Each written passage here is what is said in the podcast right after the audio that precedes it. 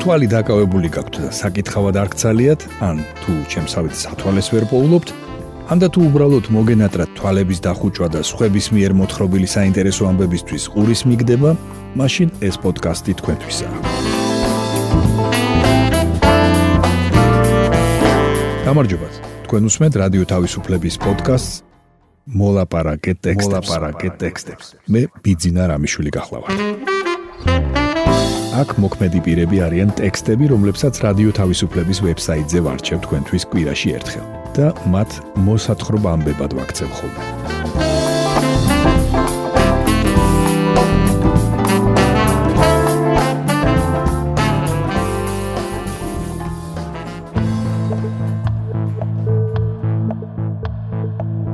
დღეს ვისაუბრებთ იმაზე თუ როგორ და რაზე ლაპარაკობენ აუდიო ციგნები. გაგაცნობთ გოგი გვახარიას ერთ სტატიას რუბრიკიდან რას ვუყუროთ. მოგითხრობთ ბათუმელი უპატრონო ძაღლების შესახებ. მორებმა გემისკენ უკან მიმავალ გზას ვერ გააკეთეს. ჩემთვის დევნილობა განსხვავებულ შესაძლებლობებს ნიშნავს. განსხვავებულ მიზნებს. ზოგჯერ უუფლებობა, სტიგმა, მაგრამ რაღაც ვიზამდი. სასჯელი არ ამცდებოდა. საინტერესო იყო ამჯერად რა იქნებოდა. ბოსტანში სტაფილოს ამოთხრა, სახლის დაალაგება თუ ეზოს დასუფთავება. ეს ახლად გახმოვანებული აუდიო ციგნებიდან ამოკრეფილი ნაწყვეტებია. ანასეულის სამ სხვადასხვა სტუდიაში ხუთი გამხმოვანებელი აცოცხლებს ციგნებს.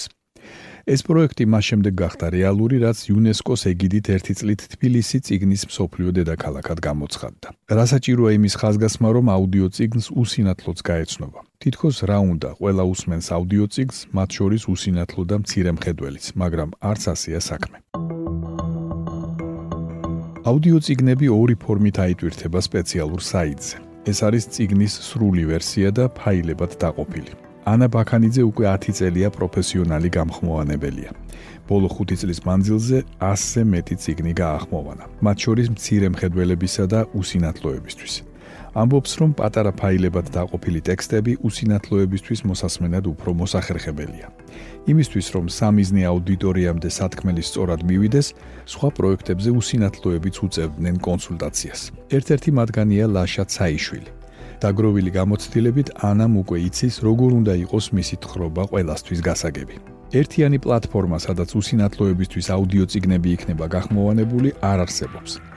ქართული აუდიო ჩანაწერების სიმწირის ფონზე ხშირად ციგნების უხარისხო ჩანაწერები ვრცელდება. ამიტომ ლაშასა და სხვა უსინათლოებისთვის განსაკუთრებით მნიშვნელოვანია კარგად მოთხრობილი ამბები.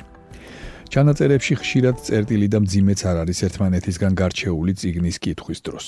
ჩვეულებრივ მისთვისაც ვისაც სმენა უსინათლოსავით არ აქვს განვითარებული დისკომფორტი იქნება ასეთი უხარისხო აუდიო დისკის მოსმენა. მაგრამ უსინათლოსთვის განსაკუთრებით ძნელია და ამიტომ შეიძლება საერთოდ არ კითხულობდნენ. ამბობს ლაშა ცაიშვილი. კიდევ ერთი სპეციფიკური ნიშანი უსინათლოებისთვის გახმოვანებული ციგნისა, ფილმისა თუ სახელმძღვანელოსი არის ტიფლო კომენტარი, ანუ სიტუაციის ან ილუსტრაციის აღწერის ნაწილი. თავარია უსინათლო მიხვდეს რა არის სურათზე დახატული. უნდა იყოს აღწერილი ფერი, მაგალითად თუ შენობა ითქვას რა ფერის სახურავი აქვს, როგორი სტილი შენობაა. ადამიანის შემთხვევაში რა აცვია, რა შინაარსია მის მოქმედებაში ჩადებული. ისე უნდა აღიწეროს, რომ უსინათლო ეს დაინახოს თავის წარმოდგენაში გვიხსნის ლაშა. სწორედ ამიტომ აუდიო ციგნის მოსმენისას შესაძლებელი იქნება აირჩიოთ მოусმინოთ ციგნს დაყოფილი ფაილებითა და ტიფლო კომენტარით თუ ციგნის ჩანაწერის უწყვეტ ვერსიას. ამჟამად მსახიობი კახა მიქიაშვილი ნორვეგიის პეიზაჟებსა და იქ მომხდარ ამბებზე ყვება. ის არჩილ კიკოძის ნორვეგიულ დღიურს ახმოვანებს. ნორვეგიული დღიურის გარდა შეძლებთ მოისმინოთ მწერლისა და დრამატურგის დავით გაბუნიას დაშლა. ნილს სიმეონის, ანუ გიორგი მასხარაშვილის 14 კრისტალის თეორია. ფემინისტური ტექსტებიდან კი ქალები ქართულ პრესაში, კატო მიქელაძე, ქართული ფემინიზმის უცნობი ისტორიები, ქალები ომის დროს და ომის შემდეგ და სხვა. საბოლოოდ პროექტის ფარგლებში 23 აუდიო ციგნი ჩაიწერება. ციგნის კითხვისა და მოსმენის მოყვარულები კი მათ თბილისი ციგნის მსოფლიო დედაქალაქის საიტზე გაეცნობიან. მისამართი არის twbc.ge. თქვენ მოისმინეთ ანი ბურდულის სტატია როგორ და რაზე ლაპარაკობენ აუდიო ციგნები. თქვენ უსმენთ პოდკასტს მოლაპარაკე ტექსტებს. ახლა გთავაზობთ გოგი გვახარიას სტატიას ბავშვი, რომელსაც აქვს უფლება. რუბრიკიდან რას ვუყუროთ? ფილმი ჩვენი мама 2020 წელი იტალია რეჟისორი კლაუდიო ნოჩე. იდეალური ფილმია საფხუში სანახავად. მით უმეტეს პანდემიის ეპოქაში, როცა უამრავი ადამიანისთვის ზღვა და ქვიშიანი სანაპირო მხოლოდ და მხოლოდ ტკბილ მოგონებად რჩება. თუმცა კლაუდიო ნოჩეს სურათი, რომელიც ვენეციის კინოფესტივალის პრიზით აღინიშნა, თქვენთვის საფხულის გამო არ შევარჩიე. თუ გნებავთ ეს არჩევანი შეაფასეთ როგორც გამოხმაურება გირჩის ლიდერის ვახტანგ მეგრელიშვილის განცხადებაზე ბავშვებს უფლებები საერთოდ არ აქვთ. ამ განცხადებით საქართველოს პარლამენტის დეპუტატი გადაიქცევა ისეთივე კარიკატურულ ფიგურად, როგორიც მაგალითად ჩიჩოლინა იყო იტალიის პარლამენტში. თუმცა ჩიჩოლინას რას ვერჩი, მას ასეთი სასაცილო არაფერი უთქვამს. ფაქტია, გირჩის ლიდერი დეპუტატი გახდა. მას თავისი ამომრჩეველი ჰყავს და ასე გამოდის, რომ მისი ამომრჩეველიც იზიარებს მეგრელიშვილის პოზიციას. არა, ამ ხალხს კლაუდიო ნოჩეს ფილმი ვერ გამოასწორებს, გულს ვერ აუჩუღებს. ეს კინო იმისთვისაა, ვისაც ბავშვები უყვარს. ოღონდ სიყვარული, როგორც ხვდები, საკმარისი არაა. გაბრაზებად საჭიროა. ფილმში ჩვენი мама მაფიის თემა კვლავ წამყვანია. უფრო მეტიც, კლაუდიო ნოჩი აღადგენს გასული საუკუნის 70-იან წლებს, როცა ტერორი და მაფია ფაქტობრივად ქვეყნის სახელმწიფოებრიობას დაემუქრა. და თითქმის ყველა ინსტიტუციაში შეაღწია. ფავინოს გმირი ამ ფილმშიც მაფიისა და ტერორისტების დევნას განიცდის, მაგრამ ქმნის აბსოლუტურად განსხვავებულ ხასიათს. მთელი სურათი არის 70-იანი წლების კინოს სტილიზაცია, ოღონდ ყველაზე ნაკლებად პოლიტიკური დეტექტივებისა, რომლებსაც უხვად იღებდნენ იმ წლებში. საუკეთესოდ კი სწორედ მარკო ბელოკიო იღებდა. დღეს ასეთი კინო იშვიათია, ამ ფილმში ყველაფერი, ყველა გამომსახველობითი საშუალება მიმართულია იქითკენ, რომ მაყურებელმა იგრძნოს დისტანცია დროსთან და სწორედ დისტანციიდან გაიაზროს წარსული. კლაუდიო ნოჩეს ფილმი თარგმნეს როგორც ჩვენი мама, თუმცა უფრო ზუსტი თარგმანი ალბათ იქნებოდა მამაო ჩვენო. ამ შემთხვევაში უკეთ გამოჩნდებოდა იტალიური ფილმის პირდაპირი კავშირი სახარებასთან და მსხვერპლ შეწირვის თემა, რომელსაც მაყურებელი აუცილებლად იგრძნობს სურათის ფინალში. ბოლოს და ბოლოს мама ხომ რომელსაც მოსაკლავად დაძდევენ აქ მნიშვნელოვანი სახეა მაგრამ არა მთავარი კლაუდიო ნოჩეს ფილმის ცენტრალური პერსონაჟი მისი 10 წლის ვაჟი ვალერიანია მას მერე რაც მამაზე თავდასხმის მოწმე გახდება ვალერიანის ცხოვრება მნიშვნელოვნად შეიცვლება პირისპირ დარჩება სიკვდილსა და ძალადობასთან. გაუჩნდება კითხვები რომლებზეც პასუხს მის მიერვე მოგონილი პერსონაჟი 15 წლის უსახლკარო ავანტიურისტი კრისტიანი გასცემს. დიახ მე ასე მგონია რომ ბიჭი რომელსაც დაუმეგობრდება ვალერიანი თავიდან მის ხილვას გავს მხოლოდ. ბავშვებს როცა მათი მარტოობა გაუსაძლისი ხდება ახასიათებთ ასეთი პერსონაჟების გამოგონება. დედამიწაზე ალბათ არ არსებობს ბავშვი ვისაც ასეთი წარმოსახვა არ ქონია ყველას ქონდა უბრალოდ ყველას არ გვახსოვს მარტოობა ბავშვობაში მზიანი და მელანქოლიური პეიზაჟები, ჰაერით სავსე კადრები, ფერადი ბავშვები და შიშის განც და ავის მოლოდინი თითქმის ყველა კადრში ქმნის კონტრაპუნქტს, რომელიც პირველ რიგში ფილმის მთავარი გმირის სულიერ მდგომარეობას ასახავს, შფოთვას, გაურკვევლობას და რაც მთავარია, დაგროვილ კითხვებს, რომლებსაც თავად ვერ უპასუხებს. მაგრამ ვალერიანს უფროსების იმედი არ აქვს. უფროსები აქ ერთმანეთს ძალას უჩვენებენ, ერთმანეთს დასდევენ და ემალებიან. კონტრასტი ნათლად იკვეთება. ბავშვებს მეგობრობა და სოლიდარობა აკავშირებთ. მოზრდილთა სამყარო კი ძალადობით და ზიზღითაა ახსავსე. როცა ზიზღი ძლიერდება და საზღვრებიდან გამოდის, ის ვრცელდება ბავშვებზეც. მით უმეტეს რომ ბავშვის დაჩაგვრა ადვილია. ახლა უკვე პარლამენტის დეპუტატი გვეუბნება, რომ ბავშვს უფლებები არ აქვს. ამბავი, რომელსაც გვიამბობს რეჟისორი, მას თავად გადახდა ბავშვობაში. მამამისი იყო პოლიციელი, რომელიც ძლივს გადაურჩა ტერორისტის თავდასხმას. კლაუდიო ნოჩი ამ თავდასხმის მოწმე გახდა.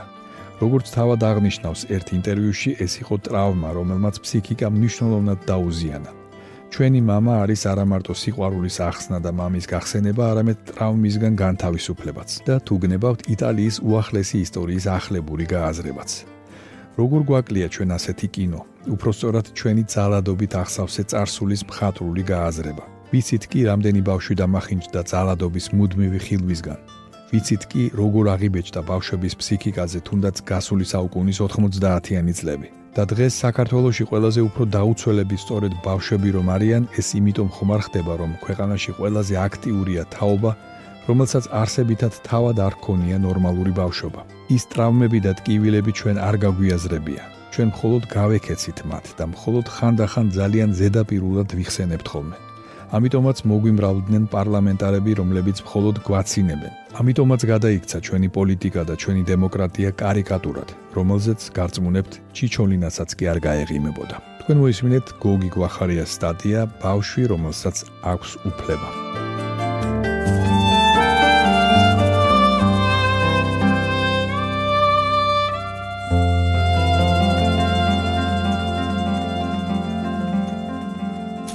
თქვენ უსმენთ პოდკასტს მოლაპარაკე ტექსტებს.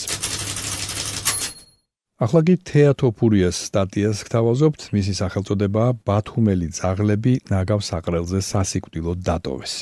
ბათუმელი აქტივისტები და ცხოველთა დამცველები ამბობენ, რომ ხალხს, რომელიც ქუჩის ცხოველებს უვლიდა, ცხოველებს პარავენ და ჯგუფიდან გადახავთ ნაგავს აყრელზე, სადაც ისინი სიკვდილისთვის არიან განწირული. რამდენიმე დღის წინ ბათუმელებმა შეამჩნიეს, რომ მიკედლებული ძაღლები ერთმანეთის მიყოლებით ქრებიან. ძაღლები, რომლებსაც ჩვენ ვუვლით, ვხარჯავთ ფულს, რომ ვაჭამოთ, ვუმკურნალოთ, გადაიყვანეს და დაყარეს ნაგავსაყრელზე. ამბობს ბათუმელი ლიამ გელაძე. დაინახეს მანქანა, რომელსაც ძაღლები მიხავდა ნაგავსაყრელზე. ავედით და გადავსებულია ნაგავსაყრელი ძაღლებით. ზოგი წევს ვერდადის და ნაგვის მანქანა ზედაყრის ნაგავს, ამბობს თამუნა ხონელიძე. დაგავსაყრელი ბათუმიდან 20 კილომეტრით არის დაშორებული. ეს არის ღია ტერიტორია, სადაც ცხოველს საშუალება არ აქვს სიცხესა ან ცუდ ამინჩი რამეს შეეფაროს. ნაგავსაყრელზე ძაღლები ნაგავსა და მკვდარ თოლიებს ჭამენ. ვარაუდობენ, რომ ამ ადგილზე უკვე 1000-მდე ძაღლია თავმოყრილი. უშუალოდ მოხალისეებმა, რომლებიც 4 ივლისს შეიკრიბნენ და ქალაქიდან დაკარგული ცხოველების მოსაძებნად ნაგავსაყრელზე ავიდნენ, 300-მდე ძაღლი დათვალეს. თეონა ყურშუბაძე, რომელმაც ძაღლების მოსაძებნად 12 მოხალისე შეაგროვა, ამბობს, რომ 4 ივლისს წვიმიანი დღე იყო და ადგილზე მისულებს ნამდვილი ჯოჯოხეთი დახვდათ. დახვდა დამხრჩვალი ძაღლები, მკვდარი ლეკვები, გათოშილი, გალუმპული ცხოველები. ერთი ძაღლი წელმოწყვეტილი ეგდო გუბეში. წამოიყვანეს, მაგრამ ვეღარ გადარჩა. კლინიკაში ევთანაზია გაუკეთეთ, ამბობს თეონა ყურშუბაძე. ნაგავსაყრელზე იპოვეს ის ძაღლები, რომლებიც ადგილობრივებს მიკედლებული ყავდათ და უვლიდნენ, მათ შორის ბათუმის კოლორიტი ყურშაპეტაც. ამ ძაღლზე, როგორც კუპატაზე, ლამის მთელი მსოფლიო ლაპარაკობდა. ყურშაპეტას ეძახიან, კორმს არ კადრულობდა, მხოლოდ სოსისებს ჭამდა და ყველა იცნობდა. ეს ძაღლიც კი იქ დაგხვდა. რა თქმა უნდა, უკან წამოიყვანეთ, ამბობს თეონა ყურშუბაძე. ცოცხლად გადარჩენილი ძაღლების ნაწილი მოხალისეებმა ისევ ქალაქში დააბრუნეს, თუმცა ამბობენ, რომ ნაგავსაყრელზე კიდევ ბევრი ცხოველი დარჩა. მოხალისეები ვარაუდობენ, რომ ასეთი მასშტაბური ოპერაციის მოწყობა მხოლოდ ქალაქის მერიას შეეძლო. ძალიან ცუდი რამ გავიგეთ, თითქოს არც ერთი ასეთი ძაღლი არ უნდა დარჩენილიყო ოქტომბრამდე ბათუმში, რომ ტურისტებს თვალში არ მოხვედროდათ, ამბობს თეონა ყურშუბაძე. მაგრამ მათ ღამე დაურეკეს და მერთან შეხვედრაზე მიიწვიეს. შეხვედრა შედგა, თუმცა აქტივისტების თქმით, ცხოველების გატაცების ფაქტები ამის შემდეგაც გაგრძელდა. ბათუმის მერიაში აცხადებენ, რომ ბრალდებები, რომლებიც მიუსაფარ ძაღლებთან დაკავშირებით სოციალურ ქსელში ვრცელდება, სიმართლეს არ შეესაბამება. დაგეგმილია მერიისა და არასამთავრობო ორგანიზაციების მონაწილეობით შეიქმნას ერთობლივი ჯგუფი, რომელიც ამ საკითხს შეისწავლის. თქვენ მოისმინეთ თეატოფურია სტატია ბათუმელი ძაღლები ნაგავს აყრელზე სასიკვდილოდ დატოვეს.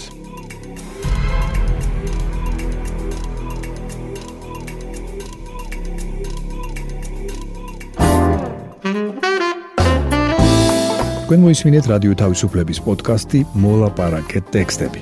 მე კვირაში ერთხელ ვარჩევ რადიო თავისუფლების ვებსაიტზე გამოქვეყნებულ ტექსტებს და მათ მოსათხრობამდე ვაქცევ ხოლმე. ჩვენი პოდკასტი შეგიძლიათ გამოიწეროთ, ჩამოტვირთოთ ან მოისმინოთ პირდაპირ რადიო თავისუფლების ვებსაიტზე. მისი მისამართია რადიო თავისუფლება.ge. თუ ჩემი მიერ მოთხრობილი ტექსტები სრული სახით დაგაინტერესებთ, მათი მოძებნა იულია. ვებსაიტზე, პოდკასტის გვერდზე იპოვეთ ყოველ ცალკეულ პროგრამაში მოთხრობილი ტექსტების ბმულებს. მე ბიძინა რამიშვილი ვარ. მომავალ შეხვედრამდე.